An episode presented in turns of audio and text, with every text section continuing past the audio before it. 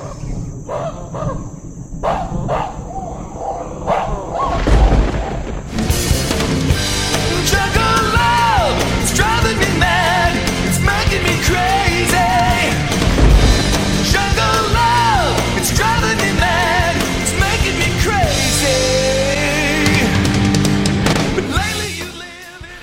Komið sæl og verið hjertana velkomin í frumskógin. Þetta er þáttur sem um, tekir fyrir málefni sem um, tengjast koktelagerð.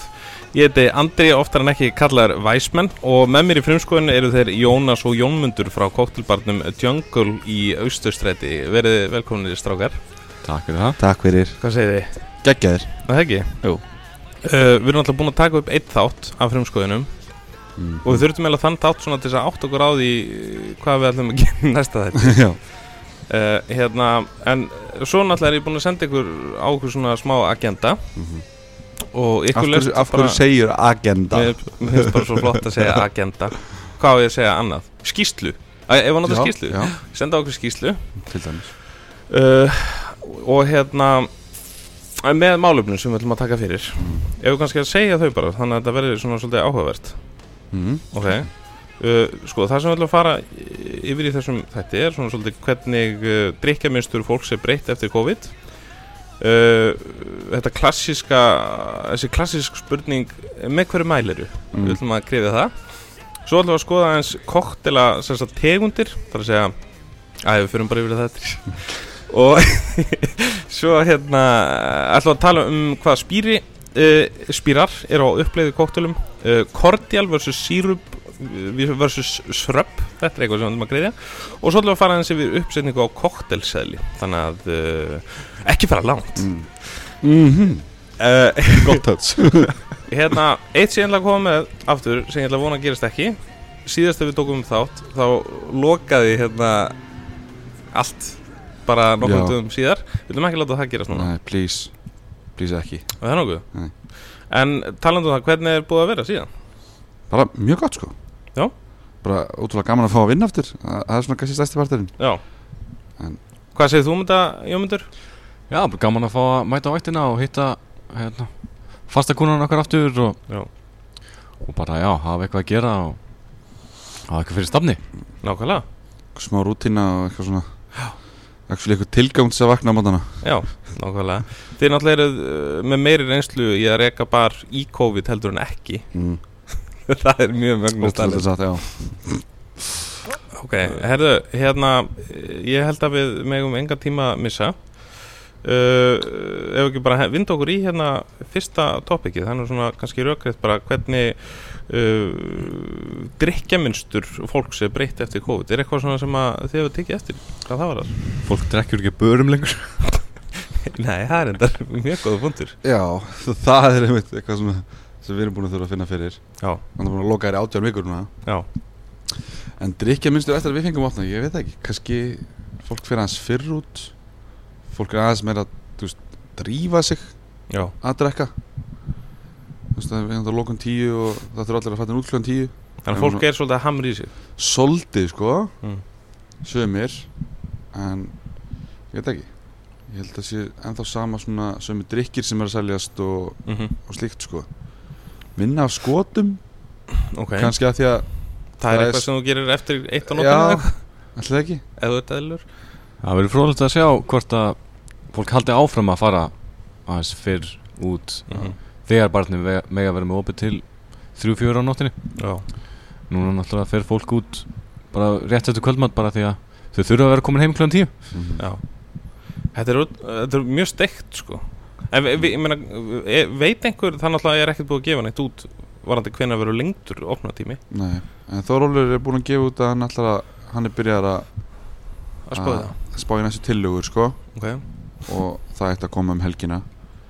En það getur verið hvað sem er það getur verið 25 manns og 1,8 metri regla eða eitthvað skilur við vitum ekkert. Já. En það getur líka verið 100 manns og 1 metri regla eða eitthvað. Mm Getur líka verið eitthvað breytingar en uh, það kemur okkur ekkert við. Já, þú veist þannig maður veit aldrei sko.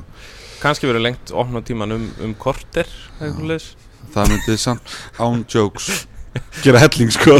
Já, nákvæmlega. En svo er búið að vera svona smá eitthvað eitthvað svona misæmi í þessu hvenær fólk á að vera komið út og eitthvað svona Já, það er búið að vera svolítið heitt málefni Já. undarfarið ákveðni staðir er búin að vera hérna opið aðeins lengur og, og hérna veifi ykkur um plöggum frá. Þú veist, bara, þetta eru actually lögin Mhm. að við höfum klukkutíma til að tæma síðan staðinn það er eftir að koma svolítið ljós hvernig það mál fer Mhm.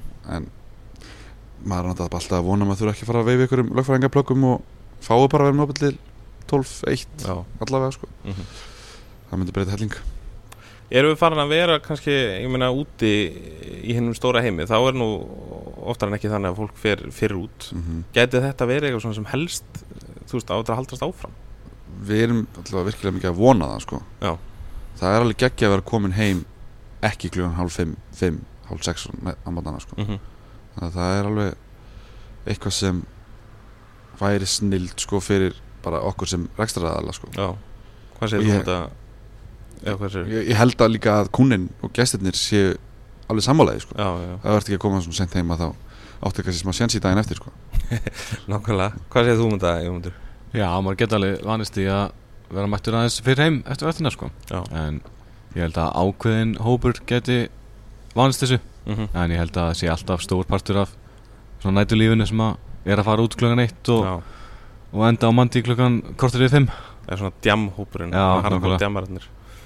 Já, þetta verður áhugavert. En eh, takið eftir einhverju, einhverju breytingu í, þú veist, hvað fólk er að drekka, ég meina, þið náttúrulega eru með koktel á Jungle. mm.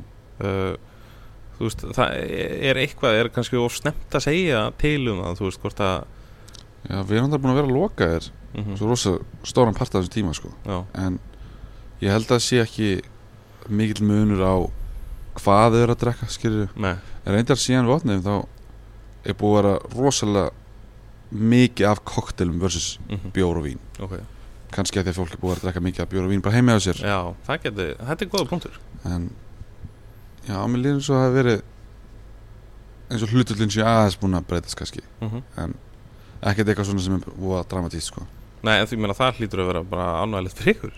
Já, en það er náttúrulega það sem við gerum út á og, og það sem við, okkur, okkur hefur gaman af. Mhm. þannig að já, kannski sé kannski bara svolítið skemmtilegt Mhm. ánægilegt sammála því.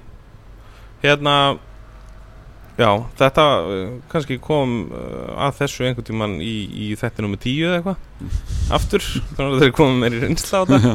En þetta er samt á, að, svona gaman að velta þessu upp sko. Já, og, og hérna og skoða, veist, hvernig fólk er að hafa sér af því þetta er náttúrulega tölvöld breytt við erum bara að fara aftur til fortíðar sko. mm þú veist hvað, hvað þetta var þar -hmm. Herðu, ef að færa ykkur yfir í næsta eða Mm Sko, það var allir sem að, unni, sem að vinna á veitingahúsi og börum heyrt þetta því þetta lítur nú að vera svona mjög algeng fyrsta spurning sem er með hverju mæliru mm. Jómundur, þú byrjar. Já, það Sérstaklega þegar fólk er að koma hingað í fyrsta skipti þá spyrjaði með hverju mælu þau, þau sjá tíu drikja koktelsegil og, og vita ekkert hvernig drikkindi smakkast og svo leiðis Mhm. en þá finnst mér langt best að, spyrja bara hvernig drikki drekkur vennilega, Já. hvernig drikki finnst þið góðir. Mm Mhm. fílar þú sætt, súrt, beist og við svona, finnum drikk í sameiningu fyrir einstaklingin Já, fyrir ekki heldur bara "Heyrðu, þetta er uppáhaldskottullin minn, smakka hann. Mm bara reyna að finna svona, fullkomn drikkin fyrir þennan einstakling. Allir með mismöndi palettur og, og með mismöndi svona reynslu í uh, já, maður myndi kannski ekki henda einhverjum bara beint út í Negroni sem er að koma á fór sér kokteil í fyrsta en annars er hann ekkert líklegur til þess að koma aftur. Nei, það er alveg rétt. Það er alveg rétt. Já, bara svona ef einhver spyrir mig hver, með hverju mælur þá enda ég öruglega á að spyrja hann miklu fleiri spurningum. Mm En þetta, þetta er með leiðin sko myndi ég segja að, að hérna veiða svona svolítið og þetta er líka svolítið okkar hlutverk bara að, að hérna að mæta gestunum á, á meðri leið og, og, og vera svona svolítið investigator hvað hvað hann actually er á Mhm. eftir sko. Uh, en hérna mér veist oft hefur maður heyrt þessa spurningu verið að svara bara um, já, einmitt eins og þú segir þú veist, þetta er þetta er, streikur minn. já, þetta er bara strikkur minn. Mm en mér finnst það dangrita svo hinn að drikkina já, ég, ég er alveg saman því það veginn dregur alltaf aðtekli frá hinum drikkjónum Þannig um og við ætlum að ræða þetta betur eftir uppsetting kottsæla og svona. Já, einmitt, það er svona sem er alveg lent í á mörgu stöðum sérstaklega svona veitingastöðum og, og það er kannski ekki bara þjónar sem eru að afgæða drikkina þetta eru bara þjónar mhm, sem kannski búin að vinna þetta í viku eða búin að vinna þetta í þrjú ár. Mhm, skilur ekki máli, þú veist, þau segja bara það sem þau hafa smakað, það er það sem þau geta mælt með þau, mhm. Þau veit ekkert hvað þetta er. Já, það er kannski það sem við komum sterkir inn við, við sem búum til drikkina vinnum bæði á barnum og já, á já, gólunu já. og þar alveg kannski aðeins auðveldara fyrir okkur að mæla með hlutum og líka bara búin að smakka helling sjálfir. Mhm, og kannski bara með smá reynslu í þessu. En ég hef mitt bara gerir nákvæmlega sama hjómundur sko. Bara hvað fílaru, hvað, Já, já. hvað er uppáhaldsdrykkinir hvað hefur smakað, mhm, þú veist, allt þetta sætt, súrt og jafnvel ertu í frúti, ertu í einhverju svona smá hörbal ertu í mhm, einhverju, viltu finna fyrir áfenginu viltu, hvað sem það er? Og ég held að það sé alltaf eiginlega bara eina leiðin sko, þess að finna eitthvað sem, sem sko. fittar við þessa mannesku sko. Og náttúrulega líka kannski svona komast það hvort að uh, manneskja sé á einhverjum svona uh, til í að prófa eitthvað nýtt Já, eða eitthvað svona sko. Mm Þá er það náttúrulega greinlega ég hef að Gott til að að, sko. spurja þú veist hvað fílaru, sætt, súrt, eitthvað svona. Mhm, og síðan ef þú ert ef þú ert djarfur eða djörf þá myndi ég mæla með þessum og þessum. Mhm. Og þá fær fólk oft bara svona Ég- ætla að pröfa þennan Já, ég ætla að vera djarfur. Og þá líka er ég líka búin að selja þeim sko hugmyndina að þau get ekki skila hann Mhm, Já, já, já, já, já. þau voru, þau ákveða að vera djörf. Mhm, þannig að en náttúrulega sjálfsögðu ef þau eru síðan bara þetta er viðbjóður. Já, græði já, nýjan skýrir en, en þau eru svona búin að taka þessa ákvörðun í í haustum sko. Já, að þetta er kannski ekki fyrir alla og þar alveg er kannski svolítið erfitt að skila honum með ákast þessa. Algjörlega sko. Og ég meina maður hefur samt heyrt einhvern veginn mjög oft Já, þú náttúrulega getur lent í þessu ef þú segir bara þetta er uppáhaldsskóttil minn að þá ertu einhvern veginn að smakka fyrir einhvern annan svolítið. Já.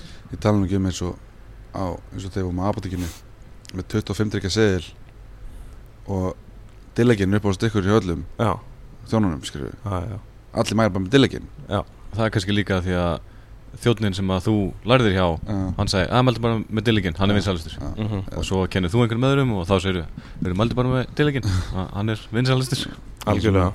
Þetta náttúrulega setur smá strik í fjölbreytnina á, á, eða þú veist, rennslið og drikkjunum Mhm. ef að maður ætlar að taka Mhm. þennan ból í þennan.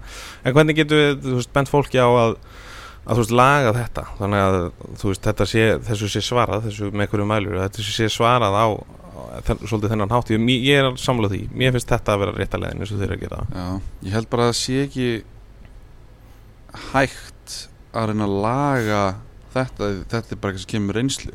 Mm -hmm. ég get ekki beðið átjörðan sýsti mína ef hún er að vinna á veitingast að að fara að spyrja þessar spurninga. Því að hún væri síðan ekki með lausnindar á þessum svörum frá gestinum þannig að það er svona En getur þetta verið bara uh, þekkingaleysi á sælinu sjálfum hjá þjónurum? já, klálega það var náttúrulega hægt að bæta það, það er náttúrulega svo rosalega mikið starfsmannavelta í þessum gera. Mhm, að það er bara rosalega tækla þetta. Það er voða að fáið veitingastæðir sem eru með bara eitthvað tíu manna kort teimi sem vinnur allar vaktir skilur og færa reynslu a- af seðlinum skilur, Mhm. auðvitað eru alltaf einhverju höfupörar og eitthvað sem geta miðla þekkingu og eitthvað en þetta er bara svo kaotíst mhm, starfsumhverfi að það er alltaf starfsmannvelta og, og það er bara ekki tími og peningar í að þjálfa hvern einasta starfsmann upp í að vera bestur í hverju einasta elementi sem kemur að veitingagerðin mhm, og það er vilt fókus á matinn og, og vínið fyrst. Já, já. Drikkinn er oft bara til að vera Eftir, sko. en er ekki ótt líka bara há starfsmannavelta hjá stöðum sem að nenni ekki að þjálfa starfsfólkið sitt? Mm. þeir líður Það er ekkert vel í vinnunni ef að, ef að hérna, þú ert að lappa upp á borðið og, og þú ert að ó, ég vona að þið spyrir mig ekki út í kottelseilin af því að ég veit ekkert um hann Mhm. eða ég vona að þið spyrir mig ekki að þessu eða Mhm. bara metnaðarleysi hjá veit, uh, veitingagerðin já, bara reksta aðlunum að, að þjálfa ekki starfsfólkið sitt Og við náttúrulega fórum í reyndar þó að hann var nú kannski svolítið svona kaotískur þessi fyrsti þáttur, þá fórum við svolítið yfir þetta með teimisvinnu, Mhm. hún náttúrulega spila þannig svolítið Já. mikið, já, algjörlega að byggja gott teimi Já, þetta þetta er svolítið tricky subject sko. Mhm, hérna Þetta- varðið starfsfólk og, og kennslu og þetta dót sko. Já. Þetta er samt, þetta er gaman að velta þessu upp því að, uh, veist, þetta er svo Þetta er- rosalega þetta er bara spurning pínu sko. veist. Ef ég er rekstraðali á veitingastæða ég sé bara starfsmannaveldina hugsa ég þá ekki, veist er ég að fara að eða tíma og pening í að þjálfa alltaf starfsfólk? Mm -hmm. vitandi það að enginn af mér er að fara að endast eitthvað lengi? Mhm.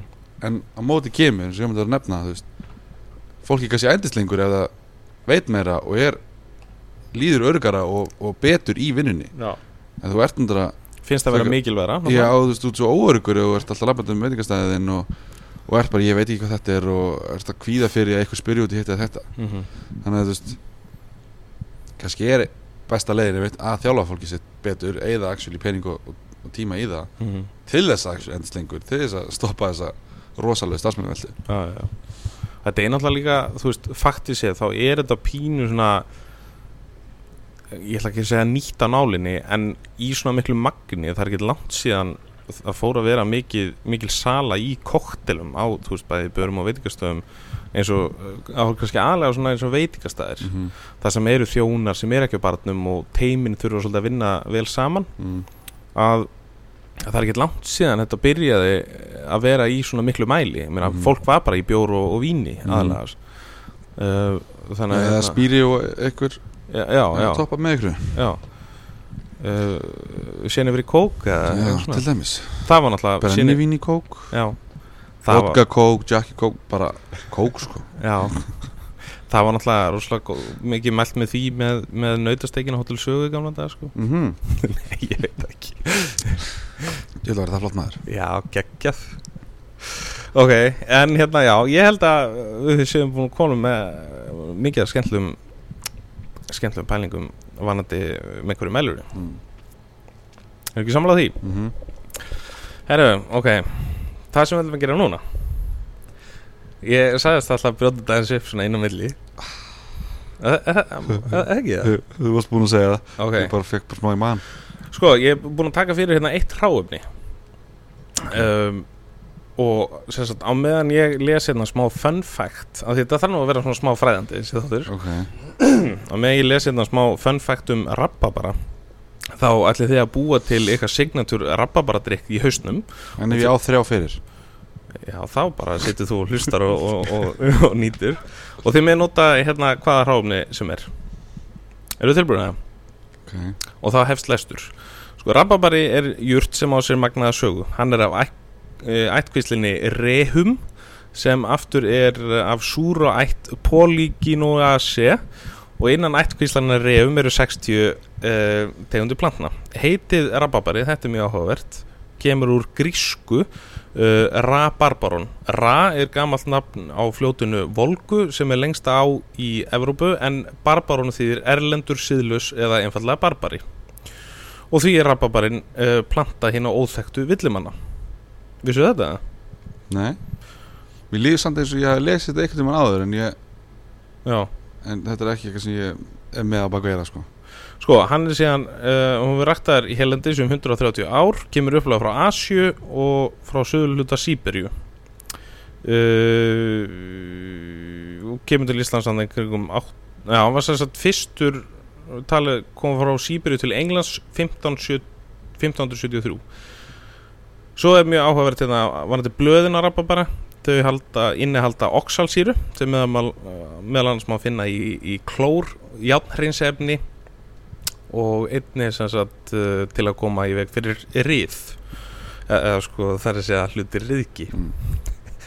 hérna en svo þetta hérna finnst mér áhugaverast því að rót rababanans hún er áhugaverð á því leitinu til í gamla þetta var hún talin reynsandi en duftrótarina var um tíma uh, tíu sunnum dýrar en kanilduft og þrísa sunnum dýrara en sama þyngd af ópjum.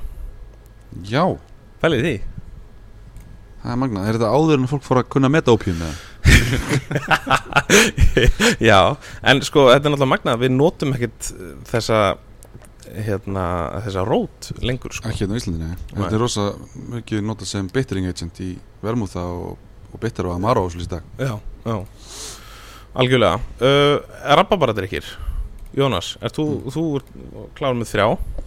Er- Veldu einn og segðu fólkinu frá þeim. Mm, ætli það nýjast er drikkur sem vorum á sæðinu núna um daginn.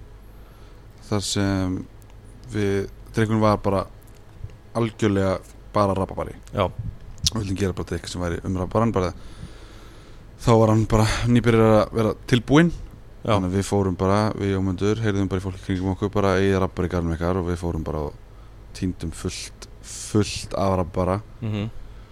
og við vildum, eins og ég segi, látið ekki snúast ára svo mikið rapparan þannig að við vildum ekstrakta eins mikið við gátum úr rapparanum þannig að sem við gerum fyrst var að ég bjóð til bara rappa bara vatn basically. Mhm. þannig að ég leiði bara rapparanum bara búin að þóa hann taka laufina og rótina frá eða stilkina þannig Mhm. þeirri og choppa hann bara upp og láta hann liggja í, í vatni í sólarring minni mig. Nei, nei, nei. Í þrjá klukkutíma eða eitthvað Mm. bara í vatni á 50 gráðum bara lágum heita og síðan tóku við rapparan frá vatninu og letum rapparan sjálfan liggja í sigri í sólarring síðan bætum við við síru salti við vatnið og síðan þegar sigurinn er búin að liggja í rapparanum þá komið svo kallega rappabara olíu og sakkarum Mhm. sem við bætum síðan við vatnið Mm. þannig að við erum búin að ekstrakta rapparan tvo tvo mismundu vegu Mhm. aldrei neitt að hverju viti þannig að þetta er rosalega ferst rappara Mhm. og hann voru búin að búa til bara rappara kordial sem var rosa sætt, rosa súrt sem salti og þetta blönduðu við bara saman með nánast hvaða spýra sem er Mm. og það virkaði bara ótrúlega vel settum hann segil með vodka þannig að hann er eins svona approachable og gátum mögulega gert Mhm. en hann var hrikalega góð með tequila hrikalega góð með gini Mhm. eða bara hvað hvita spýra sem þetta er hug sko. Man, þetta var geðugur drikkur og við erum núna að fá þegar við erum opnaðan afturlóksins fólk bara hvar er rabbaradrykkur Já, og við erum bara rabbarinn er bara stein döður já, já, og fólk er ekki að skilja það. Bara, rabbarinn er ekkert í staðar núna. Já, en getið sem ekki gert það? Já. nei. Því miður. Já, já, hann er bara ekki með okkur þessa stundina. Nei Þetta er, þetta er en hann kemur alltaf aftur á ári Já, þannig að hann kemur mættilega einhver, einhver útgáfa af þessum drikk á segil þegar hann kemur aftur það verður uh, skemmtilegt að, Mm. að hérna, fylgjast með því Þetta er náttúrulega Þetta er geggjar háfni Mhm. Jómundur, hvað segir þú um þetta? mjög vannýtt Já, þetta er glimtar háfni já. Já, það er að gera meira við þetta heldur en bara hendur sér sultur sko. Mhm. En þegar maður nota þetta í koktela eða þegar við höfum verið að nota þetta í koktela þá þótt að sé svona mjög mikill ruddi úti í náttúrunni þá er þetta mjög viðkvæmt bara. Mhm. og við pröfum að einmitt taka þetta síróp og og hrista upp með læm og sigri og einhvern spýra og þá svona glemdist rababarinn svolítið Já. í dreiknum já, hann er svo söpdúl Mhm. og það er svolítið lítið til þess að hann fari bara alveg í, í eitthvað auka hlutverk Já. Já, við pröfum að hrista bara margarítu með þessu. Mhm. Og bara sko með tequila og ferskan læmsa Mhm. það var bara, bara non-existent sko. Já það var kannski eftir að nota rababarinn í staðan fyrir læmsafa mm. ef þú Mhm. djúsar hann bara Mhm. gerðu þú það ekki? Jú Það er, það er mjög skemmtilegt að, að þetta er svo fjölbreytt Mm. uh, ráfni og, og þú veist, maður einhvern veginn getur ekki sagt sko, þetta er náttúrulega af jurta ætt sko, Mm en þú veist, það er eins og þetta sé ávöxtur samt, Mhm. ef þú berrir í því sko. já, það er samt miklu svona hérna harðar í sér Já, já svona Trefjaríkt. já, trefjaríkt já. mm og, algjört pein að djúsa þetta bara. Já, Já, Það við getum aldrei sett á seðil. Með bara djúsnum sko. Nei, það er vesen. Ekki nú múið sett með einhvern svakalega 300 skona djúsir sko. Já, já, og samt þá var þetta örgulega fyrir ekkert er samt sko. þurfa að vera með eitthvað centrifuge til þess að skilja en það liggur bara eins og sé moldi eða eitthvað inn í honum Já, líka já, já. Þú veist bara þegar þú djúsar hann og bara það bara guss út mm þá er þetta bara náttúrulega Einmitt. Maður verður bara að leifa honum að setjast og skilja mm og síðan bara auðsa hreina saman frá. -hmm. og síðan þú ert búin að því þá er hann samt ekki af súr og, sú, og læm sítruna Nei, nei, nei. Hann er alveg súr mm -hmm. sérstaklega og býtur bara í hann út í náttúrunni en hann er samt ekki og sítruna og læm. Mhm. þannig að þú getur ekki substitúta sem þess að nota hann rabbar sá í staði fyrir þannig að ég myndi alltaf Þú ætti allavega að að nota meira magna á já, það, sko. en ég myndi líklegast alltaf bæta bara við smá maliksýru mm sem er aðal síran í rabbara -hmm. þannig að það, það er einhvern sem ég gerði í þessu kordial sem við um tala um áðan Mm -hmm. og það bara bumpar rosa mikið upp þessu rabarbræði sem við þekkjum og elskum sko. Mhm. þannig að ég myndi alltaf reyna að tvíka safan þannig að væri hægt að nota hann í saman magnu og læma sítónu Mhm. svo þú sért ekki að þurfur ekki að nota 50 millilitr af þessu og, og gera allt stóran drikk og Mhm. veist, þar alveg þá kemst kannski spýrin ekki alveg jafn í gegn eða það er bara ómikið delusion á móti og Mhm. allt þetta Voruð það að nota einhverja sítrónsýru í þennan drikka? í drikkin sem ég um talmaðan Já, já, ég notaði mest mikil sem Alex sýru Já. uh, ég man ekki, nei, ég held að hafa ekki fyrir neinn sítrón síra en var notað læm með sí, sítrónu bara safið? Nei. Þannig að þetta er bara pjúra rabbari Já. og síðan notaði bara Malik sýru sem er aðal Já. rabbara til þess að bara íta undir. Sem heitir eplasýra já, uh, Já. Að því að hann myndi, hann myndi örugglega drepa eða ekki bræðið ef myndi Jú. tróða mikið að læma það er bara, er bara svo, svo söptul bragð af, af rabbarunum sko. Nákvæmlega. Þar hafið það. Herðu, uh, viljum að henda okkur í uh,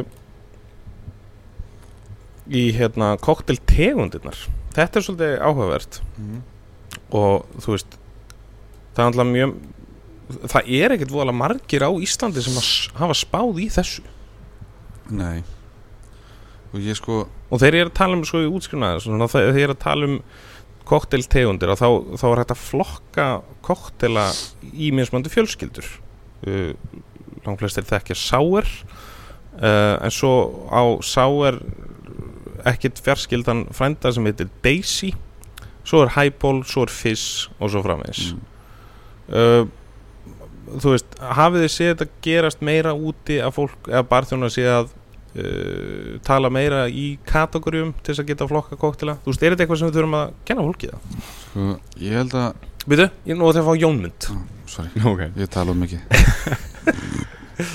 Mér svo sem ekkert að almenningunum þurfi endilega að vera með allar þessar kategóriur á hreinu. Nei. Uh, Svo lengi sem að barþjónar skilja þetta. Mm En hérna En kannski gaman að rýna í þetta ef þú ert rosalega mikið að gera koktela heima. En ég sjálfur gerir nú ekki mikið af, af koktelum heima. Gerum nú kannski alveg nú aðeim bara hérna. Já, En já, við, við notum þetta sérstaklega mikið þegar við erum að hérna, búa til koktelseðlan okkar.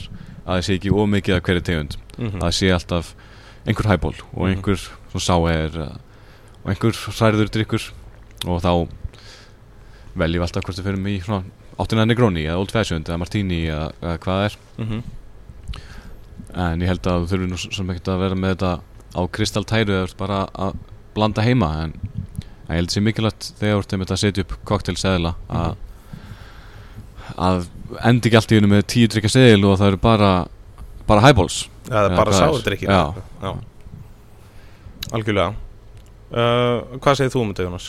Já, ég ætlaði að mynda að fara inn á saman punkt sko. ég, veistu, maður har oft heyrt fólk tala um í geiranum skilur Mm. sérstaklega það úti þessar kategóriur og, og stúdiraðar mikið og allt þetta en fyrir utan það að, að það eru mismunandi skoðanir á hvernig þessar, þessi flokkar eru og hverjir, hvað drikkir er heimi hvaða flokkum Mm -hmm.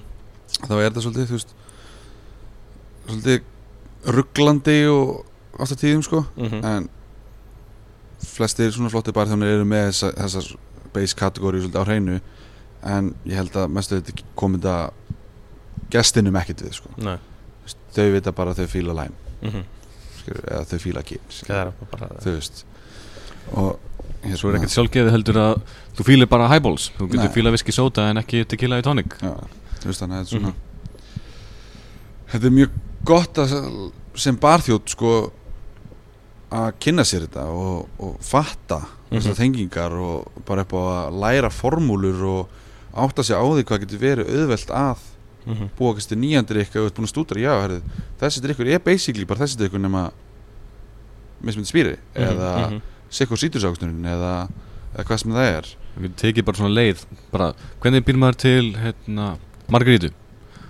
Og það fer ekki um uppskriðan á. Hvernig gerur þú sidecar Hvernig gerur þú kamakazi Þetta er allt sami kottillinum um mismundi spýra Mhm. Sem Já, bætur að sagða út í kamakazi Og komið er bara stöðlega fólk átt að sjá þessu þá kannski átt að sjá á því sem barþjónum sem sagt hvað getur verið auðvelt að feika sér áfram Mhm.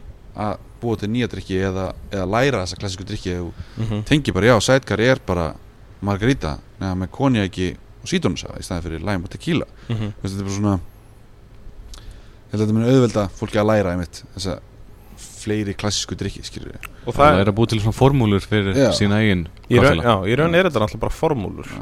Og, og það er Það kannski er svona saman hlutvöll mest af svona sem maður sér kannski er, er þessi munur á Sour og Daisy. Mm, í raun er náttúrulega Daisy bara uh, Sour nema að það bætist líkjur við. Já, eit- eitthvað svona bragð. Já, Já, hérna að Það er einmitt kannski eitthvað svona, eitthvað svona flokkur sem er svolítið miskilinn, sáurinn sko. mm hérna uh, og fólk á Íslandi kannski eða bara almenningun, gestirnir átt að sig kannski ekki á því að þetta er heilt flokkur af drikkjum, skilur þau vita bara hvað viskisáur er Já, og, og já. kannski amarettosáur mm en eins og ég held að þetta komi kannski gestunum ekkert endilega, endilega þannig sé við sko, En ekki nema þau séu áhugaðsum og vilji, Mhm, skilur mhm. læra. En það er ekki eitthvað sem ég myndi eitthvað vera eitthvað, já þið, þið þurfa áðurinn frá gottubarinn og þurfa að kynna ykkur hérna, hvernig flokkarnir virka, skilur En allavega samt að barþjónar stúdrið já, ég held að sé mjög snitt bara upp á að Líka bara upp á auðveldar að læra. Já, já. Og líka bara að þróa sína einn drikki Já. út frá þessum, þessum formúlum sko. Klálega. En líka þessi fólk kannski átt sig ekki á og þetta er ofta eins og ég segja flóki og villandi. Það er sáir flokkurinn. Hann er ekki bara súr Nei, eins og nafni gefur til kynna. Já. það á að vera sigur hann líka. Já, já, já, þess að finna hennan balans. Já. þannig ég veit ekki alveg hverjum dætt í huga að skýra hann flokk sáir Já. en ekki bara balanced eða eitthvað. Já, já, já, algjörlega. Eða sweet and sour eða eitthvað. Þetta er mjög áhugaverð sko. Já, nákvæmlega. Þetta er, þetta er mjög á- ég meina, Og í raun, þú veist Ég meina, ef þú vilt hafa hann sættir þá er það bara og sigur já já þú veist þetta er bara svona þetta er það sem held ég flækist svolítið fyrir fólki sko. Veist, ég, myndi bara að þú ert tvítugur og fara bara fyrir skipti og viski sá er bara mér langar bara ekkert, í súrt viski eða Tveir hluti sem þú hatar. Já, þú veist, ég vil bara viski Já. þú veist, þannig að skilur að þetta sé confusing og, kannski svolítið óþægilegt að, að byrja í þessu sko. Já, já, algjörlega. Já, þetta er, þetta er áhugavert. Uh, Og svo er náttúrulega, þú veist Ég er náttúrulega nefni hérna Sour Daisy, Highball, Fizz Þú veist, hafa uh, Og svo náttúrulega kategóri bara eins og Svona, svona gamla Rikki og, Já. Kobler og eitthvað svona. Mm, sem bara þekkist ekkert í Nei, ekki í íslensku samfélagi sko. Er þetta ekki líka bara kannski svolítið uh, Þú veist, þetta er þarna bara Í Mm. mm. historinu, fólk er ekkert endilega mikið að byggja ofan Allavega ekki hér. Nei, ekki hér sko. En svo sem, röglega, einhvers ég er staðar alveg sé alveg hellinga þessu úti sko. Já, er ekki kannski minna þú veist, en en Goblers er alveg sem ég alveg sé mikið af og, og lesi mikið um í bókum sko. Er það ekki, um rétt skilið, þú veist, það eru með Dice og Jú, Cobbler er basically bara spýri, ber, mm ákvæðastæðis Já, já, Þetta er bara Það er o- oft tíðum konjak, Sherry. Sherry er mjög vinsælt. Mm og hérna, og bara, og það er alltaf bara berries, -hmm. seasonal, to taste. Mhm. þú veist, eitthvað svona. Hérna, já, kannski tengist kannski mest mynd júlefnum, Já, já, veist það er kannski svona en síðan líka ofta að segja bara júlefin sé kannski líkar old fashioned um að það er bara mynda í stað fyrir bitter. Já Og og líka það er náttúrulega ekki það er engin ber í julep Nei, en það er kannski myndan í staðin fyrir berin. Mm. og það er það sami drikkur Þetta er alls konar kroks Hvað, er julipin? Hvað er hann kopleiri? Er? Ég held að maður þurfi líka bara sko, heilt heimi af fólki í, í, í vinnu við að, að hérna, ætlar að- re reynað eitthvað Það er að, að taka hvern einasta klassíku kóttel og setja hann í eitthvað flokk þá. já, En ef þú, ef þú ert áhuga saman barþjótt og langar að læra mikið um þessu flokka þá Já. er bókin Joy of Mixology fyrir rosa mikið út í þetta Já. Ég held að ég sé eini inn, inn á Jungle sem er tóraði gegnum hann alla já Hún er er, ekki skemmtileg ég er ekki búin að Hún er mjög þurr blessu sér minning hans Já. en ég er ekki búin að klára hann allan nei. Ert þú búin að klára allan? Nei, ég gafst upp bara eftir nokkar blaðsir Ég held að, já, ég held að Jakob hefði byrjað hann líka. Hann gafst upp eftir nokkrar blaðsíður. Þetta er svona iconic bók en Já. hún er rosa old school. Rosa, rosa þurr sko, það er enga myndir. Nei. En það er samt alveg ni- mikilvægt eh, að svona, þetta er góð bók upp á að, að læra svolítið historiuna og En ef ykkur vantar aðeins meira modern bók til að fara svolítið í þessa flokka þá eru bæða báðar bækurnar frá Death and Company. Já, þær fara svolítið í þessa flokka já, Codex eða ekki Cocktail Codex og síðan bara Death Company Cocktail Book Já. sem er fyrsta bókin þeirra Mhm. þær fara báðar í svolítið þessa flokka sko. þeir eru svolítið svona þeir byggja rosa mikið á the fundamentals Mhm. grunnin af cocktailgerð þeir reyna sérstaklega í Cocktail Codex að flokka allar dekkin sem þeir gera í þessari bók í sex flokka mm. og það er bara þessi sex flokka sem ég tala um og, og fara svolítið í það af hverju þessi flokkur er svona svona Mhm. og alltaf og það er aðeins skemmtileg lestur og stórar fallega myndir og svona. Já, já, já, algjörlega. Herðu, og ok. Virkilega falleg bók, segja ég pilli Já, Já, ég, ég, þetta er svona næsta bókin sem ég ætla að kaupa. Váið fóð bara hausinn áður en ég gætt keft hana. Já, En það er sama. Já þú keiftir alltaf allt úti. Já, ég keft Já. alltaf eina bók. Það er pínu haksa Getur keift bækur ekki í Eymundsson Eh, Já, e, men eru þessar bækur til í Eymundsson? Ekki þessar en það er alltaf svona eitthvað bara bækur hana Já, já, En það er alltaf bara stóð uppspringandi verði. Og rosalega misgóðar. Mm já, já, klálega. Við pentum þetta alltaf utan sko. En ef þú pantaði bara eina bóku utan þá mm. -hmm. kostar hann í 12 skall komin heim. Þannig að þú verður alltaf að panta 10 til þess að kofara sendingakostnaðin En þá ertu komin í 40-50 skall. Já, já, býður bara safnar upp í pöntun. Já, ég held að það sé eina viti sko. Já, það er það sem við gerum sko. Já, herru Já, ég held að við fyrir mikið, lengra með þetta. Herru, mér langar að henda hérna inn einnig skemmtileg spurningu á okkur. Já, uh, Jungle spurning uh, þáttarins og nú er að hlusta hérna hver af eftirfarandi áfengisframlöndum er elstur? ok A. Hendrix B. Patrón C. Monkey 47 eða D. Diplomatico Patrón Nei, betur, hvað var það? Hendrix, Patrón, Monkey Patrón. 47 eða Diplomatico Patrón ok hvað segir þú uh, Jómundur? Já, ég hugsaði strax Patrón eða Diplomatiko Ég þurfi þá ekki að segja finnst mjög ólíklegt að það sé Hendrix eða, er Monkey 47 Uh -huh. Ég bara, þorði ekki að veðja á diplomatíku því ég veit ekki nóg mikið um það. Ok, ég ætla að fara í sko, það sem er yngst. Það er uh, Monkey 47 Já, uh, næst kemur Hendrix. Ha, Já. uh, uh, Monkey 47 er 2010 mm. Hendrix í kringum aldamót þá jú, það er 99 Mm. Patrón 89 Diplomatico 1959 1959 Já. damn Það er Kemur hann svo óvart, veist, sérstaklega eins og á Íslandi mm mm -hmm. Diplomatíku er bara búið að vera hérna í 3-4 ár já veist, og maður veit ekki neitt Nei. Þetta var kannski pínu trikki af því að þú veist, ég var að pæli að setja plantationin inn sko, það er náttúrulega ekki gammalt sko. Nei, það er svolítið nýjöld verðum ekki já, já. En þetta er rosa, fyndi hvað sko Hendrix til dæmis þú veist, ef þú horfir á flöskuna þá Mm. myndur þú halda bara, það, hún selur er það að þetta sé eldgamalt sko. já, já Og líka bara hvað þetta er orðið rótgróið vörumerki Já, á svona stund tíma algjörlega Herðu, talandum uh, svona spýra og svona hvaða spýrar uh, eru á uppleið í, í koktelum? Ég segi alltaf tequila sko Já. Þú veist kannski bara þegar mér finnst það eiga svo mikið inni hjá innum almenna gest á börum mm -hmm. Á Íslandi, sérstaklega sérstaklega á Íslandi já. Og tequila er alveg way up þér sérstaklega í löndum eins og bandaríkjunum sem eru svona nálægt Mexiko uh, en hérna og maður sér þetta líka kannski bara, ég meina, önnu hver Hollywood stjarnaði fann að fjárfesta í tequila fyrirtæki sem er bæði geggjað og pínu uh, gæti orðið vandamál. Mm -hmm. þegar svona margir er frá að sækjast í jakaðablendina og það tekur hana 8 til 12-13 ára verða fullvaksta og svona. Það er ekkert þetta framlega endalust Nei, nei, þegar eftirspurninu er svo mikið þá geti einmitt endað í actually skort á tequila. En við skilst að mexikorska hérna uh, governmenti séu fara að svara þessu aðeins sko. Já, já. Fara að aðstofa við eitthvað, eitthvað lönd og eitthvað svona til þess að framlega meira þessu. En, en ég segi alltaf tequila sko bara að mér finnst íslenski makkaðan eiga hlutum ekki inni en vandamálið við tequila er bara grunn 100% tequila er bara flokka sem luxusvara á Íslandi. Mm Þú veist, bara, við fáum ekki ódýrt gott tequila -hmm. þú veist, það er bara ekki til. Það er svona stærsta vandamáli Mm -hmm. og það er ástæðan fyrir að allir grípi í hattinn skilur í innbúðinni. Það er 5 skall verðmunur á flöskunni. Já, já, þú veist. Líka tvöld vera líka tvöld vera en, en, einmitt, en, en almenningurinn veit þetta ekki nei, nei, nei, nei. Hvað segir þú um þetta, Jómatur? Já, ég er mjög sammála um tequila En uh, ég vil kannski segja skost viski já, uh, Margir sem að hafa drukkið viski bara viski sáir og, og þessar drikki mm -hmm. og hérna og Kentucky Mule og svona Mm og Íslinga kannski orðin svolítið vanir því að drekka drekka bourbon en Mm. við notum mjög mikið af skosku viski hérna og fólk er alveg að gefa því sens og, og fílar Mm. drikkjana mjög vel mm -hmm.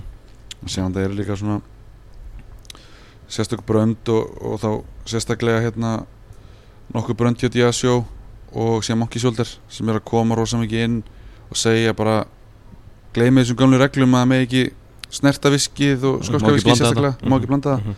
og sem koma svona töff brönd eins og Monkey Shoulder og Johnny Walker sem eru bara please blandið viskið okkar gerið Mhm. eitthvað Mhm. geggja koktelur þessu Já.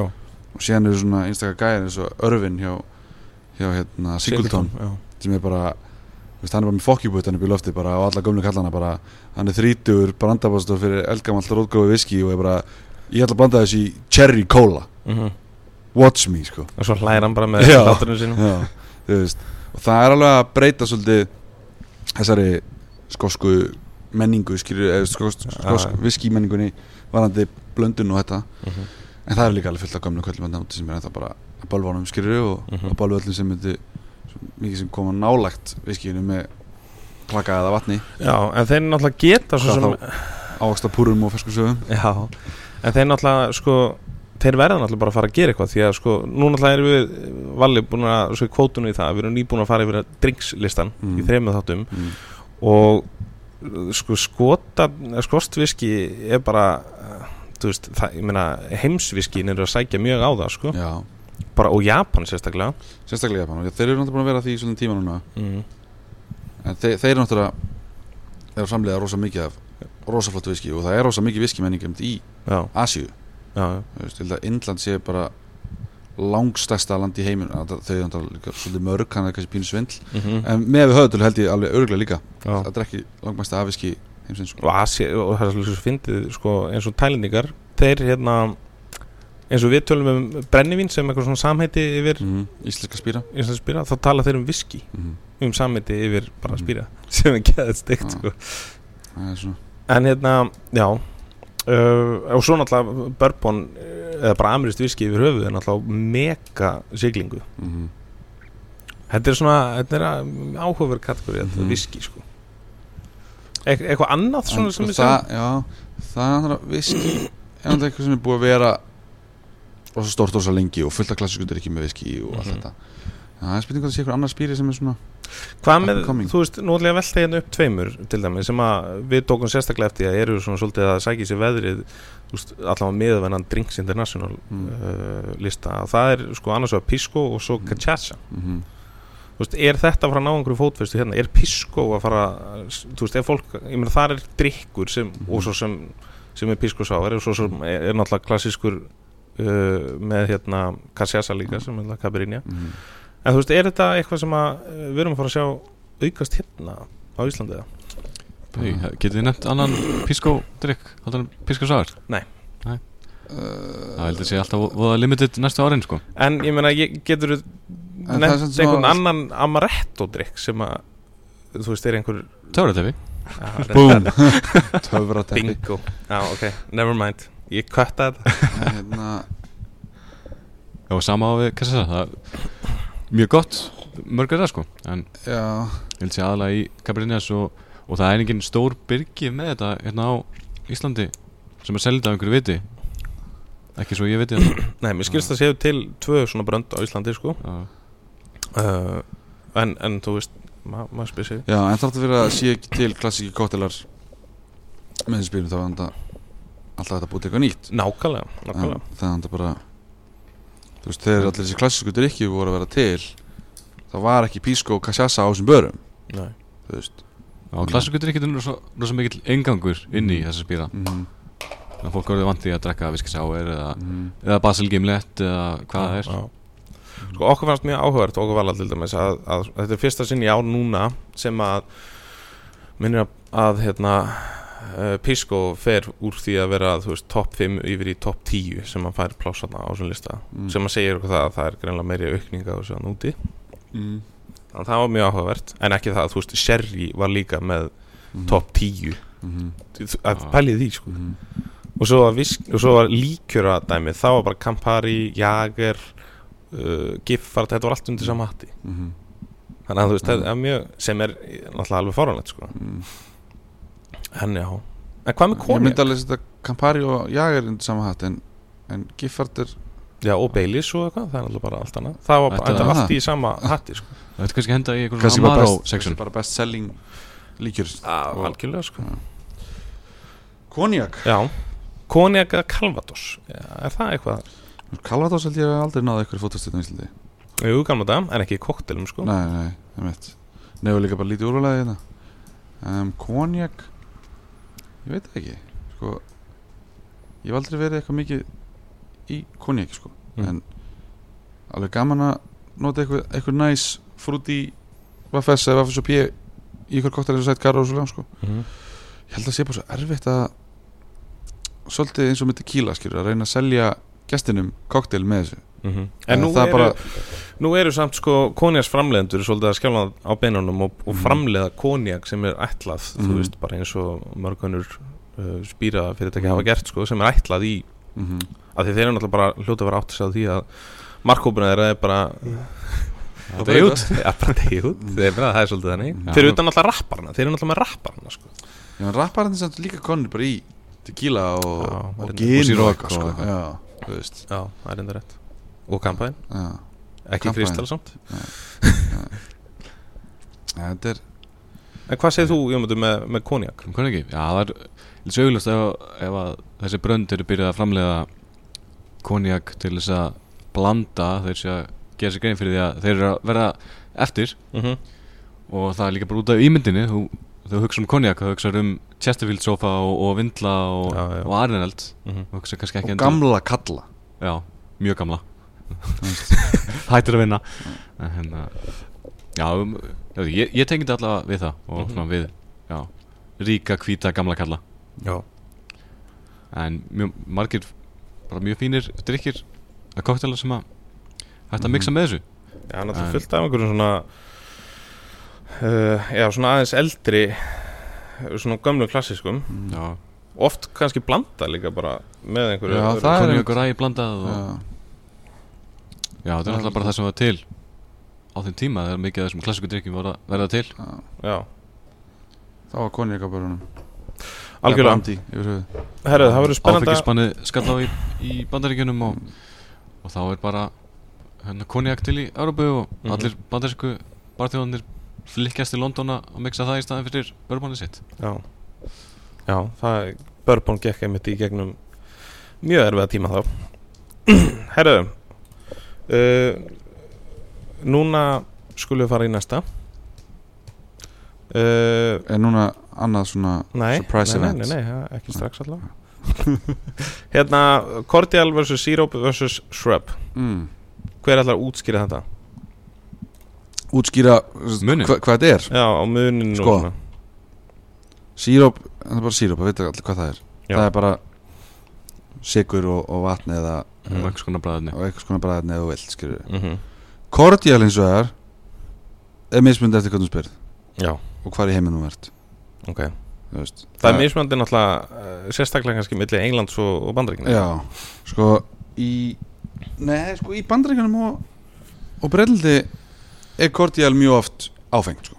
Áfengt, Já, ok bara bara sem við myndum kalla líkjör sko. Já, já, en í eh, sko, frá vörumerkja þeir sem er að framleiða og þú getur bara fundið kanil Cordial og það er satt bara í vínbúðinni skilur. það er bara kanil líkjör basically Og hvað er að tala um stert eða?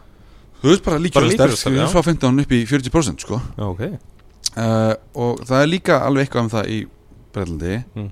Held ég en það er líka svolítið af Cordialum sem er ekki áfeng mm -hmm. bara basically síróp Mm eins og við myndum kalla síróp bara svona eins og frá þessum framlindum eins og mónin og endótt sko. Já, en ég horfi á það er út frá bara hvað ég er búin að læra frá öðrum og hvað ég er búin að lesa Mm.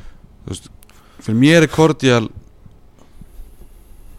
eins og síróp nema það er oft tím ekki nota vatn heldur eitthvað skonar bragð, mm. þú veist hvort sem ég sé safi eða hvað sem það er. En að undirstaðan er bæði súr og sætt Mm.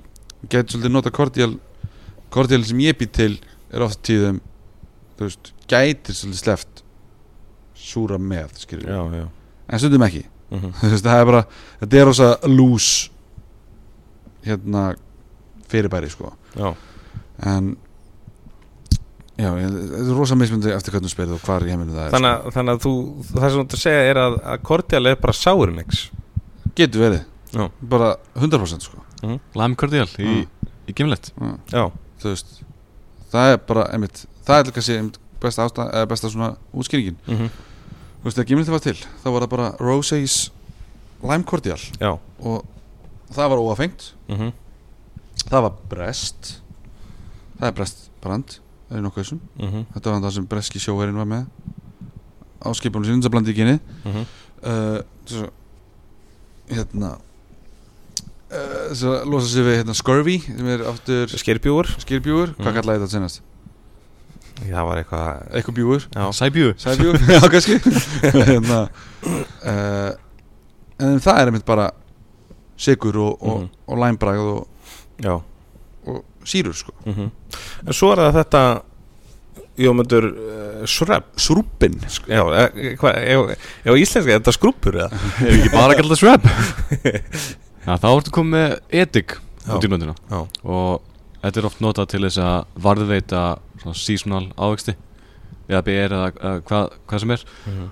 og það eru til nokkrar leiðir til þess að, að búa til shrub það sem, sem ég finnst meika mest sens er að, er að taka einhver ber eða ávexti sem það ætlar að, gema og kofra það í sigri og leifa sigrinum að ekstrakta allt bræðið úr, úr ávextinum Mhm. svolítið bara eins og að búa til ólega sakarum Mhm.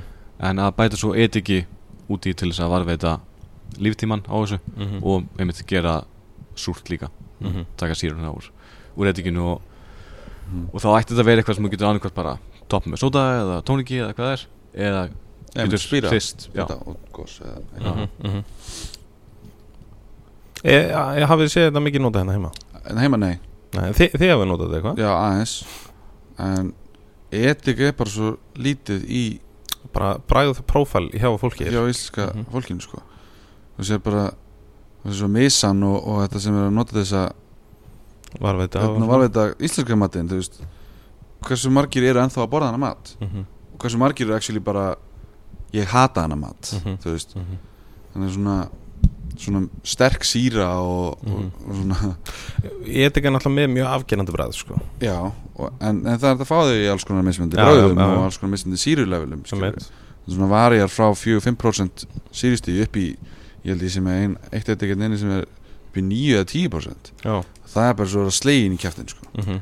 svo líka rosa mikið af þessum uppskriftum að shrubs sem Mhm. að eru með jafn miklu hlutvalli af sigri og, og etiki Já, það er það bara gengur enga veginn fyrir íslenska nei. þú ert að tvíka þetta svolítið til og, og minka en Edik. síðastu ég gerði þetta var 10% Mm. edik þú veist og það var samt fólk uh, ef þið var aðeins að finnur samt ediklitin í gegn Mhm. en síðan það blandar þið með eitthvað spýra og eitthvað svona þannig að þú finnur ekki beint það edik kick þú veist, í bragðin endilega Mhm. finnur samt einhvern svona keim já, Já, ég vildi nota þetta bara meira fyrir eitthvað svona auka sing í drikkin já, en ekki fólk væri að smjatta okkur eitthvað ekki að ég held að það myndi bara ekki falla vel í kramið sko. nei, ég samla því En eh, sko það er dreps niður leið sko. Já, já, já, Þú veist, ég gerði þetta við krækibér til þess að halda krækibér krækibérunum á menju í ekki samkvæm tíma Mhm. síðan var okkur hann bara lokað sko. Já, já Nákvæmlega uh, Já, þetta er, þetta er mjög áhugavert Maður einhvern veginn sér þetta ógeðslega mikið úti Mhm. En, þú veist ég, Maður hefur ekkert séð þetta hér sko. Nei, þetta er líka sér meira af ávöxtum og berjum úti til þess að varveita Mhm. ekkert mikið kannski hægt að Nei, það er enda alveg rétt tína hérna annað heldur en blábær, krekibær og, og rababara Mhm. og rababarinn er kannski alveg nóga súr fyrir bara Já, það er enda alveg rétt sko. Já, þetta er áhugavert já, en síðan það sem ég held þú allar að spyrja okkur út í mm -hmm. væri hvenar og hvað hvenar notar bleð, hvenar Bara go notar for it. Nei, ég held að það væri svo að spyrja út í sko. Já, þá bara fer ég það núna Hvenar nota maður hvað? Það er góð spurning Sko Ég myndi alltaf nota síróp Mm. í drikki sem þú ætlar að nota ferskan læmsafa eða ferskan sítrunsafa Mm -hmm. og en kordial sagði hann geta verið það súr eins og ég rafbardregnum sem tölum aðan að það var engin ferskur sítrunsafi Mhm. uh, þannig að þetta fyrir rosa mikið eftir hver loka útkoman á að vera Mhm. Þú veist, hvaða drikk ætlar þér að gera með þessu Mhm. En síðan aftur á móti erum við með Greyfruit Cordial á hjá okkur sem er búin að vera með og búin að vera mjög vinsælt Þetta er ekkert sem við notum það, er mjög búin að vera mjög vinsælir En þar eru þetta Greyfruit sem er ekki nógu súrt og ég bæti ekki neina sírum að því að við ætlum að nota síðan ferskan læmsafa eða, eða Mhm. appisínu safa sem við erum búin að gera súrari þess að hann getur verið jafn súr og læm Þannig að þú veist s- setja aldrei sírur í bara sírup ef við ætla að nota síðan læm eða, eða lemon Mm, Jú, síðan það annað sko Já, ok. eiginlega Mhm. en hérna en bara í þessu standard svona sírup versus kordial eða versus söp það er svo erfitt að segja þú átt að gera þetta í þessu Mhm. Það sýst allt saman um loka útkomuna Mhm. hvaða drikk ætlar að gera með þetta hvernig á þessi drikk að líti út hvernig á hana hvernig glas ætlar að vera með hann Mhm. og allt þetta skilur Mhm. hann er svona, Og náttúrulega bara hvað ráfn ertu með í honum já, Mhm. stú með ekkert punkt en hérna eins og fyrir mér þegar, og allar hristi drikkinu upp með ferskun lænsafa eða eitthvað leis þá oft tíðum er það bara sírup þú fær sér nóga síru á móti Mhm. í, í hérna frá ferska sítrónunni. en með kordialinn þar getur oft unni að þannig eins og til dæmis með rabbardrykki við vildum hafa hann tæran, við vildum hafa hann ljós bleika lit. Mhm. þannig við vildum aldrei fá sítrónu eða, eða læm til þess að gera hann kláti og, já. og, og eðilega fallega litin sem hún konu með. Og þar alveg sett ég bara aðeins meiri síru í þetta kordial og þar Mhm. alveg gáttu við bara miksað í tveir á einum kordial á myndi spýra Og jafnvel stundum einum en Já, það var kannski ekki fyrir alla palettur. En hérna Og þá haft hann bara kristall tæra kristal tæran og, og ótrúlega fallega bleikan sko. Mhm. og síðan aftur á móti getur líka notað það þá í ætlar að búa til í gos eða búa til, veist allar kólsýra þess Mhm, mhm, og þar kemur, komum við kannski inn á það sem var að spyrja um, út í síróp bara mhm. eins og þegar við erum að setja kottur að krana veist, þar nota ég sigur síróp sem grunninn og set fullt af sírum út í það og læt síðan hráefni líka í því Mhm. en ekki eitthvað safa eða eitthvað að því setja síðan á krana og búblað og allt saman Mhm. og þar þarf það að vera allt tært og, og, hérna, Mhm. Og náttúrulega bara geimast ekki? og geimist tölur betur sko, og svona sírur virka sem svo góður svona varveitir Mhm. svona preservative á þess að það sé þú veist hérna E E337.000 skilur eitthvað svona efni sem gerir bara það Mhm. þetta er bara náttúrulega efni Mhm. Sem vil, vil til að varveita hráfni Já, svo fólk haldi að við séum ekki að nota bara LSD-sýrur eða eitthvað Já, svona já. þá er þetta ákveðnar sýrur sem eru bara uh, grunn sýrur sem eru notaðir bara í Já, þetta er bara úr veist, þetta eru bara síruna sem eru nú þegar í í matvælum bara. já, og ávöxtum og Mhm. hvernig sem er. Það eru sýrur, eru sýrur út um allt. Í svo öllu saman. Kók væri ekki svona gott eða væri ekki sítrónu síri það er bara hannig Nei, og þá erum við að tala um sko Coca-Cola. Já, já, það var að tala um kókóla nákvæmlega. Jómundur, hvað segir þú um þetta mál? Já, maður kan bara bæta við hérna, Ef þeir eru að hlusta á þetta og eru að læmsafa út í hérna, kranakoktelin eitthvað Please hættið því. Please, stop. Stop. Það eru allir sem að eru með koktel og krana, að- aðrir heldur við sem bara henda ferskum hráfnum í, í kútinn og það er alltaf bara skemmist eins og- skilja sér ekkert í því að hann sé með súr mill daga og allt í náttúrulega pínum brún Já, Það var ekki líta út eins og skolpvatn þegar þetta kemur út í krananum. Nei, nákvæmlega. Þetta er góða punktur og mikilvæga punktur. Og líka bara þú færið ekki alveg kólsýru út um kranan sko. Nei, nei, nei. Þú veit með fullt af einhverjum floating particles þannig að Nei, búblunar svo- ræða það er svo bara sest þetta fucked allt á up. botninn og sko, Jónas, þú náttúrulega vi- vildi koma með búblur, við ætlum tökum það í næsta þetta Mm. Sammála því? Já. Já. Það Ég held, veist, ég veit ekki. Ég, ég held ekki að talað um búblur og búblur tengt í marga klukkutíma. Ok, Það er bara spurning já, Tökum hversu það- margir vilja hlusta á það það er bara mjög áhugavert. Ég held að, ég meina þetta er klálega eitthvað sem fólk er að spá í, sko. Mm. Uh, Tökum það fyrir í næsta þetta um, Síðasta subjektið Það er uh, uppsetning á kokteilseðli Mm. Herra, sko, koktela menjúar eru þeir eru alls konar, það er Mm. ótsið það Mm -hmm. um, Brauti þetta nú hérna eitthvað aðeins niður Byrjum, ef að byrja á sko branding eða ekki branding Mm Jómundur, þú byrjar er Það eru sumir spýrar sem ég- mér finnst að þurfi að koma fram hvaða brand þetta er Ok, eins og getur ekki skrifa bara skostviski rom. eru svo rosalega já, þau eru svo rosalega mi- mismunandi já og rom, það getur verið ljóst eða dögt eða, Mhm. og þó þessi dögt þá getur það verið bakkart í átt eða rónsa kappa það er alltaf mjög ólík dög rom Haf. Mhm. en það, það kemur á vodka breytir yngum Nei. við við skrifum bara vodka á, á seðlun okkar Mhm. Það skiptir yngum máli hvort það sé Smirnoff eða Finnlandia Mhm. þetta er alveg að bræðilust Já, nákvæmlega Einu sem þarf að koma fram að það er vodki þarna Mhm. Vodkin er þarna bara til þess að leifa hinur hráðunar og sjana beður Mhm. En þegar kemur að þeim gini eða rommi eða eitthvað þá er heiminn haf hvort sé svona gini eða svona gini eða Mhm. hvort sé þú veist bara hérna alveg kvítt rom sem er búið að gera að vodka eða, eða Mhm. hvort sé eitthvað massíft sætt mólasa bomba frá Venezuela eða eitthvað Mhm. mm -hmm. það er svo stór flokkur að það verður að koma fram Já. meiri sem er genin þá er stundum bara nóg að segja London Dry Já. og veitir hvað stíl þetta er Mhm. Mhm. það kannski skiptir ekki öllu hvort það sé Beefeater eða Tangeray svona ekki sem þetta sé ekki eitthvað eins og Hendrix eða einhvern annar stíl en síðan núna er Mhm. komið svo rosalega mikið magn af gin þess að mismundi Já, það er bara flokkur sem að já, er þessi nýji flokkur þessi contemporary Já. er náttúrulega, það eru og bara það er, það er náttúrulega heimur og haf þar á milli Já, ég myndi aldrei skrifa innan þeirra flokks Já. Ég myndi aldrei skrifa New Western Style af geni Ég myndi skrifa Tangeray 10 Já. Miklu öðvöldara Mhm.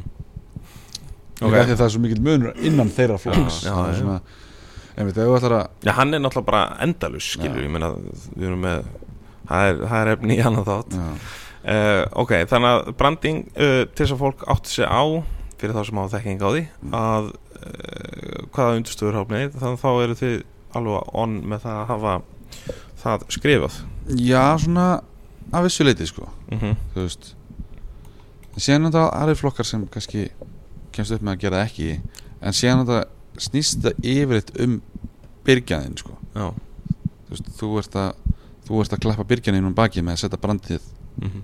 á seðilin það er svona oft svolítið verðmætt sko. Já, En svo erum við með, eða höfum verið með fyrir hann já, Við höfum verið með drikk á sælinum Það sem stendur ekki triple sec Það stendur appelsína. Mm mm. Það er bræðið sem þú finnur. Mm -hmm. Skiptir engum máli hvað þetta er. Nei, Eða kontru eða góða punktur. En síðan Ef við tökum það aðeins lengra Þá uh, hérna, Tökum geira smart fyrir Já, Til dæmis, þeir eru, eru geggjaðir í þessu Að hérna Að útskýra bara allan kokteilin Á sælinum og það tekur kannski bara þrjá línur Mm. Og ég veit ekkert hvað er í þessum drikk sko. já, Það er svona infjúsað þetta með þessu og svona og, Mm. og séðan veistu ekkert við hverju að búast mm -hmm. þegar þú færi drikkin Þetta það er þetta góð- þetta einfalda þetta svolítið mikið sko Mhm, Já, við skrifum bara bröðin sem þú finnur Já. það, það þarf ekki að standa basil síróp mhm, það er basil. Mhm. Þá erum við svolítið komnir bara í það hvernig maður setur upp uh, uh, bara uh, rétt á veitingastað. Mhm. Þú, þú, þú veist, þú, fyrir aldrei að, að setja bara, það stendur ekki hvernig kartaflunar eru knorrkraftur. það stendur það ekki öll kryddin sem kartaflunar eru kryddaði með eða mhm, þú veist, hversu lengi þær voru bakaðar eða, eða þú veist, liggja í vatni áðan að voru djústektar eða hvað sem það er. Nei, þetta er svo góðu punktur. Þetta er bara stekta kartaflur Ég held, já, eða, ég held líka að það kom svona tímabili sem allir voru bara með svo í kótun og aftur í uppála skótum mitt uh, skósóla einfjúsað uh, eitthvað mhm. uh, Þú veist, er það ekki meira upp á eitthvað sjóoftæmi? þú þarft ekki að tíðum. þig á seðlinu þínum sko. Nei drikkun það bara að vera góður Mm. það er svona veist, við fórum alveg í gegnum þetta líka já, og, en við lærðum að því og, og hérna Einfalt er já, þú veist að þú vilt ekki að kúnin setjist niður gesturinn fyrir ekki mm, uh, ég ætla að reyna að kalla alltaf kúna Já, bara eftir hérna- klipparið það hérna, það er við með fasta kunnar samt. Já, já, já, fasta gestir. fasta Já, gestir. fasta gestir sé- Æ, anyways, að þú vilt ekki að þau setjast niður mhm, og fá bara eitthvað heilatröflanir við að reyna átt að segja á því hvað þau eru að reyna að panta sér sko. ég samla landa á pansi bjór. Já, Já, þú veist Að vitum þetta ekki hvað er í einfalt, þægilegt og þetta sé ekki eitthvað mastersreitgerð mhm, lestur skýrur sé bara brauð sem fólk vita hvað er. Og síðan auðvitað eru hráefni sem þú verður kannski að lista eins og sér tröðs eða eitthvað svoleiðis. Mhm. Þú verður að segja segja það, að það er mjög afgerandi. Já, þá verður að vera það sé kannski helst eina sem við spyrja, herri, hvað er þetta? Já, já, Já. getur sagt frá því.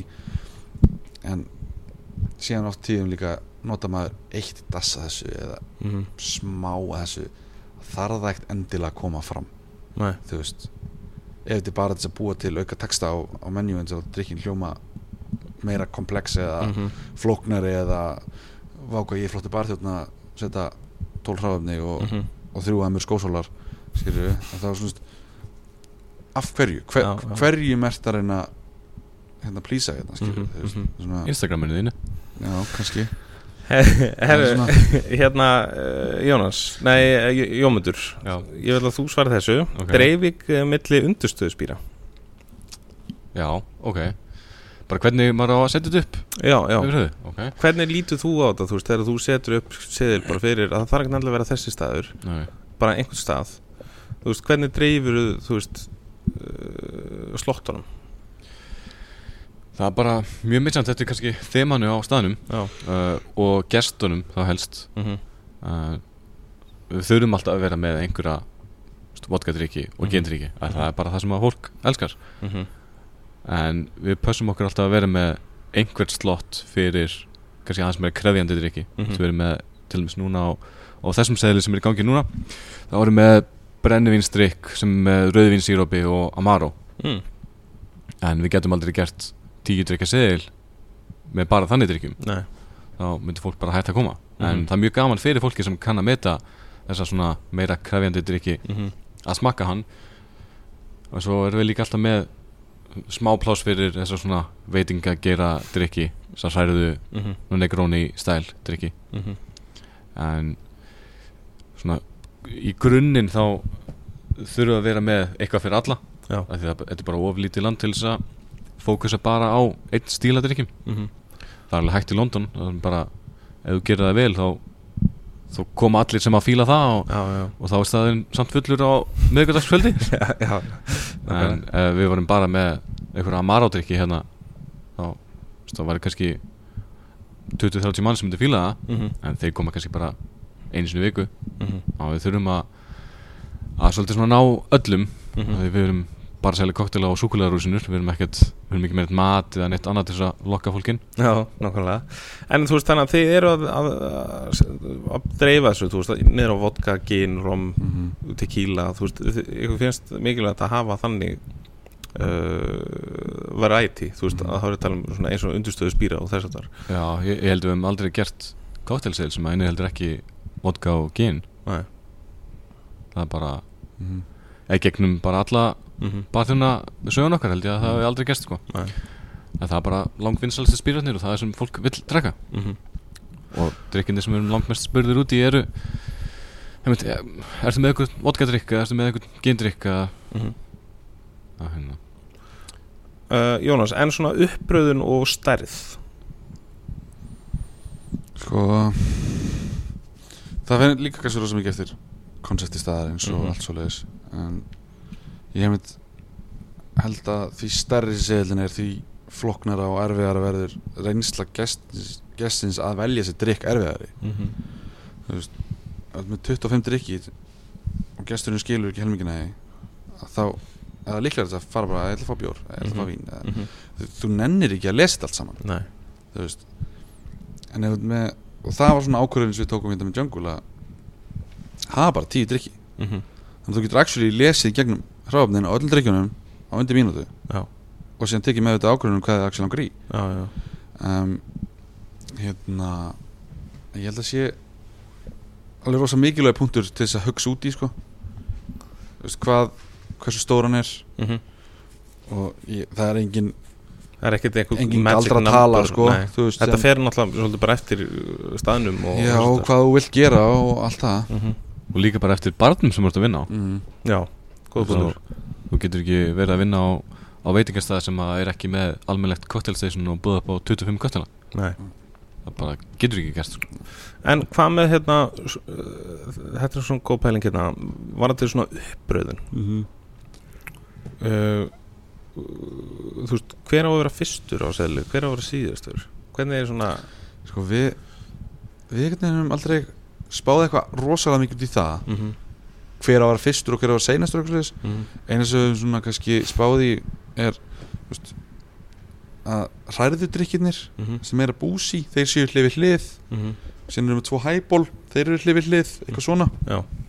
en bara þannig séu auðveldar að benda á það á seðlunum þú Já, veist, já. bara hérna eru þessi tveit drikkir Mhm. hérna eru þessi tveit drikkir hérna er Special Martini síðan Mhm. er restin kannski svolítið svona Já, já, já. létt, fresh og fruity eitthvað, Mhm, þú veist þannig sé svona auðveldar að navigita seðilinn. Og segja frá hann bara já, Þegar einhvers segir með einhverjum helur já, það er rétt klálega sko. Já, góða punktur.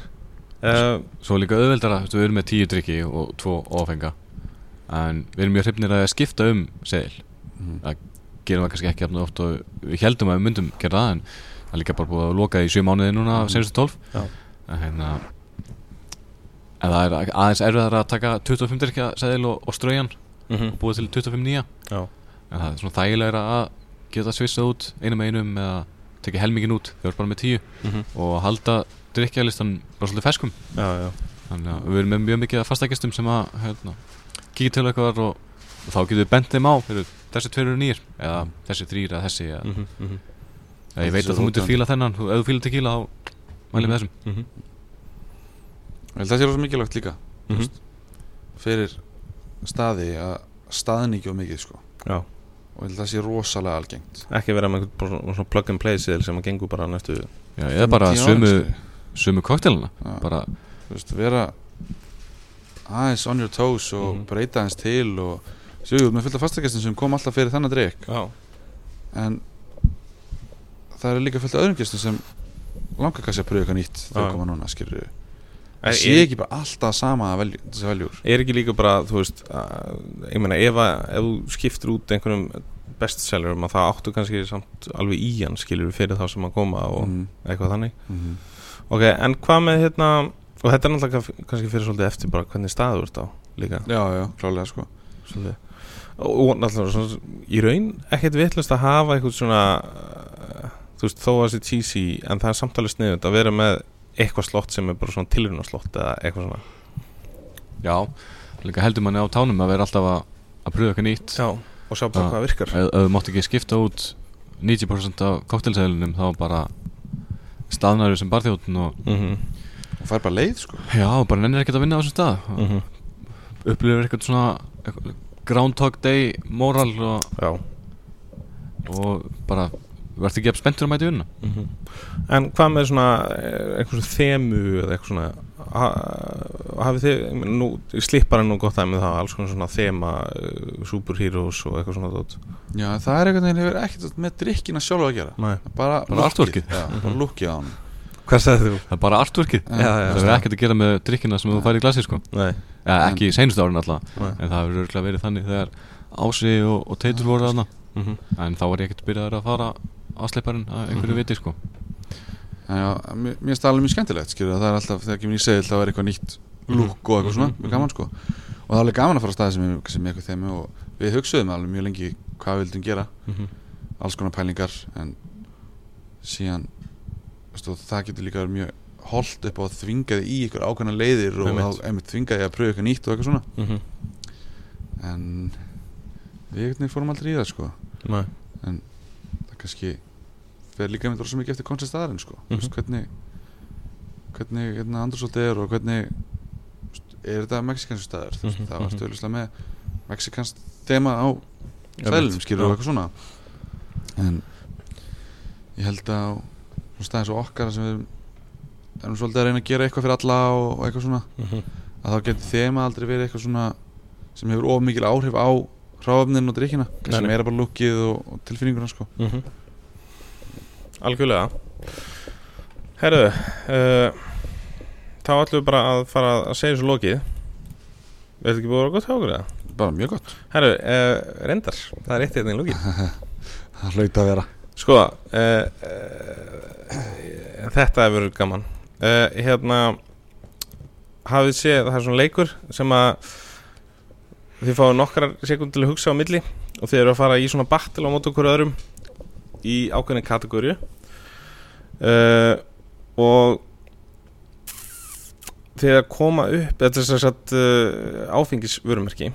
Og ég á samt eftir að svona nefna nei, nei, eftir að nefna subkategóriuna en að það koma upp með nýtt vörumerki þá til að hinn getur ekki meira. Skiljið hvað ég meina? Nei, Það þú segir London Dragon og þá er að tellja upp Ég segi Tangrey og þá segir Jónas Bífites og ég segi Já, það er svo leiðis Já. já, já, ok, ok, okay. Ok, ég var að Ég pröfa held þetta að vera að við ætlum að búa til nýtt verðum ekki. Já, ég ætla bara að taka sko Úf, þetta er stressandi. Já, en hérna þú veist, kategóriðan og það má ekki liða langt á milli sko þegar, Ok. þegar ég segi þetta, ef við tilbúinu vá, hvað það ekki sé. Ok, hérna, við ætlum að fara út í um, contemporary eða new western style gin og gerir skærblað steitt hver, hver byrjar? Svo sem vinur byrjar eða? e, Eða hann velur? Já, hann vilur Hvað ert að reyna að gera? þetta er náttúrulega, ég, ég veist að það er ekki hægt að Jónas fara byrjar með- bara. Ok, Ok, Jónas byrjar, 1, 2 og byrja. Takk er þenn Monkey 47 uh, G-Vine. Ungawa Hendrix. Skotin Martin Miller. Á, ég ætla að segja Angelica. Er það? Já. Dum, dum, dum Ég er að reyna að horfa á Old heildur Islandia mm, Ég veit ekki hvort ég kaupi það. Ég hef ekki smakkað en ég get ég Við vorum bara að tala um það í gær sko. Já. Það er einu sem Já. myndi eftir. Vá, maður verður svo verður svo Það er alltaf ekki Dragon stúpid. Maður verður svo stúpid þegar maður er svona on the spot með þér. Já, ég veit það. Ég, hérna, ég ætla að grína Jónas Sigur Því að Nei. sko e, Jómundur, Já. þú, þú kemur með kompándgin hérna inn í þetta. Já. Get, Hva- þau, hvað- get, þau get gætst alveg verið í ykkur nýjum stíl. Auðvitað, já, já, ég veit það. Tæknilega sé Hva, Hvað Hvað þarf gin að svona flokkast inn í til að vera New Contemporary style? Ekki Juniper Forward Það er svona stærsti punkturinn Já, það er í raun st- stærsti punkturinn sko Og í raun er það, Er veist það einu punkturinn? Ég held að Já, aðal- það er, það er í raun, veist Það er glötu kategóri það er það- Þess vegna er það svo vítt Já, já. skilurðu. Og þú veist, í raun er það Hendrix og Tangur 10 sem að byrja þetta Já og svo, þú veist, en, ég meina við erum komið með núna bara eitthvað Júsugin og eitthvað gameskulligin og eitthvað dót, sko. Og nú er þetta alltaf að fara að færast út í það að vera náttúrulega bara ekkert ginleikur, sko. Ég veit að út bífið þetta maður. Já Og bara London Dry. Það er sko Mhm. Æ, Old Íslandi að segjast bara vera gin Ég veit ekki alveg. Já Já, en það, Ég veit ekki hvað er hvað, Nei, nei. hvað er í en þessu. já, menn þú hefur séns í næsta þetta. Jú, Já það er Já. er þetta bara eitt flokkur? Já, þetta er bara eitt flokkur. Já, ok Það held ég. Herðu, uh, rétt í lókin Þetta var nú meira ruglið ja. En vonandi var gaman að hlusta á það. Uh, Eldsnögt, uh, hvaða ráðumni á fólk að tjekka á? Eitthvað svona skemmtilegt? Sem eitthvað þetta Í kóttela Ákveðin vara eða Nei, bara Hvað sem er. Amarón ok, bara- Yfir höfuð. Jager já, Notaði gott alveg ok. Uh, Jómatur, hvað segir þú? Þú leita eitthvað svona Eitthvað trendi eins og svo segðuna Þegið. Nei, nei, bara eitthvað sem fólk sem mæli með að fólk skoði sko. Það þarf ekki að vera trend. Já bara tjekka á skoska viski Ok, mm. Blanda það. Og hvað, Eitthvað eitthvað smóki Henda eitthvað talisker 10 ára Gátt til. Cool. Og svo síðasta, hvaða koktel á fólk að gera næst? Boulevard DA með talisker 10 Ok, Jónas? Þú ert að rústa mikrofónstatinu mínu Já, ok uh, Hvað, koktel? Já. Þetta þarf ekki að taka langan tíma. Korsvíðars Korsvíðars Korps Revivers Númer tvö. Númer 2 Og setja smá sigur, það er miklu betra. Alright Herru, þá ætlum við að uh, hérna, séu svo lokið hér úr frumskóðinum Takk fyrir okkur. Jómundur, Jónas uh, Takk fyrir að vera með í þessum hætti Takk sem leðis og við séumst aftur í næsta hætti It's driving me mad.